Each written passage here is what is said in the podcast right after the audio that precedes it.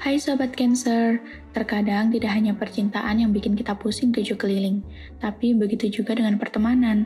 Teman adalah seseorang yang dapat memahami kita setelah keluarga kita. Tapi terkadang namanya teman pasti ada menjengkelkannya kan? Bicarakan unek-unek berdua dan saling meminta maaf akan lebih baik daripada saling menyindir di media sosial.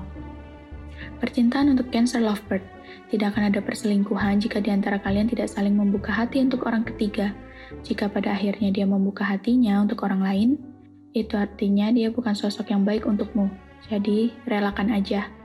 Untuk sobat Cancer yang masih single, jika kamu adalah seorang perempuan, maka tidak ada salahnya menyatakan cinta duluan. Jangan malu, karena sepertinya dia juga memiliki perasaan yang sama.